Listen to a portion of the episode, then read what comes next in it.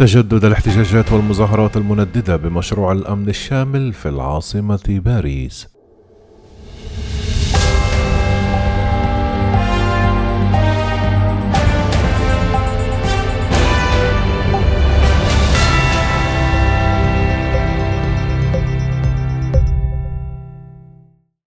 للسبت الثاني على التوالي تجددت المظاهرات في العاصمة الفرنسية باريس للتنديد بمشروع قانون الأمن الشامل وشهدت الاحتجاجات صدامات بين الشرطة والمتظاهرين بالإضافة إلى أعمال عنف شملت إضرام نار في السيارات وتحطيم واجهات المحلات وتعتبر التحركات في باريس واحدة من حوالي مائة مظاهرة تم التخطيط لها في جميع أنحاء فرنسا السبت ضد اقتراح القانون الأمني الجديد.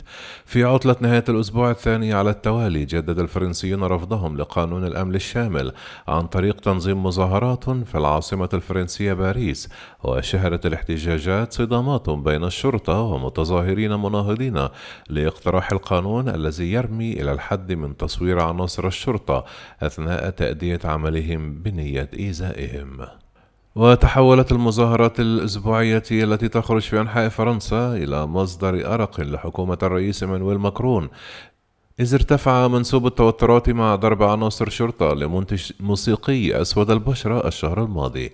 ويلعب أعضاء حركة السترة الصفراء التي نظمت مظاهرات ضد عدم المساواة في فرنسا في شتاء 2018-2019 دورا بارزا في الاحتجاجات الحالية. تم تحطيم واجهات متجر تسوق ووكالات عقارات ومصرف بينما أحرقت عدة سيارات في شارع جامبيتا في وقت سارع المتظاهرون باتجاه ساحة الجمهورية وسط العاصمة باريس.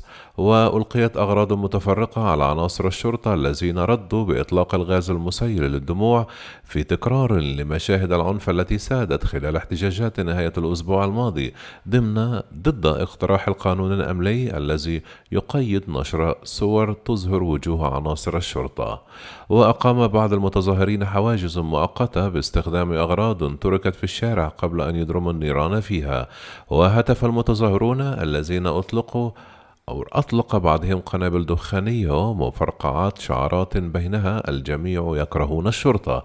وكتب وزير الداخلية جيرالد دارمينين على تويتر أن الشرطة اعتقلت 22 شخصا في باريس حتى الآن مشيرا إلى أن عناصر الأمن يواجهون أفرادا عنيفين للغاية. وشكلت التحركات في باريس واحدة من حوالي مائة مظاهرة تم التخطيط لها في جميع أنحاء فرنسا.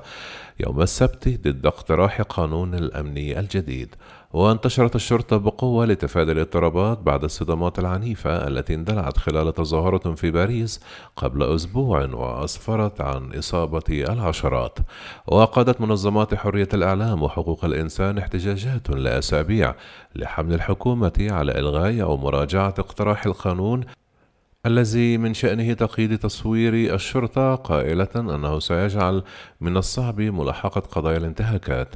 وبعد توجيه اتهامات لأربع عناصر شرطة الفرنسيين في الثلاثين من تشرين نوفمبر المنصرم بالضرب والإساءة العنصرية للمنتج الموسيقي ميشيل زيكلير تعهد نواب من حزب ماكرون بإعادة كتابة كاملة لجزء من اقتراح القانون. وقال زعيم الكونفدرالية العامة للعمل إحدى النقابات الكبرى في فرنسا فيليب مارتينيز أن عدة أسباب تتضافر في وقت واحد وأضاف لا تناقض بين الحريات العامة والفردية وضرورة محاكمة انعدام الأمن الوظيفي والبطالة وأشار إلى إساءة معاملة أصحاب العمل وفقدان حماية العمال. وجاءت الاشتباكات الجديدة بعدما أجرى ماكرون مقابلته يوم الجمعة مع موقع بروت وهو بوابة إخبارية بالفيديو تستهدف الشباب. اعتبرت محاولة من الرئيس لكسب المصداقية ضمن فئة الشباب القلقين بشكل خاص من تصرفات الشرطة الفرنسية.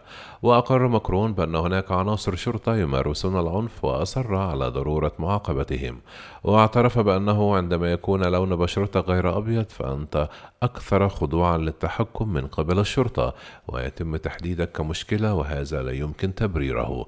لكنه أيضا انتقد أعمال العنف ضد الشرطة في مسيرة نهاية الأسبوع الماضي في باريس وألقى باللوم فيها على المجانين وأضاف لا يسعني أن أدعهم يقولون إننا نقلص الحريات في فرنسا. شكرا لكم.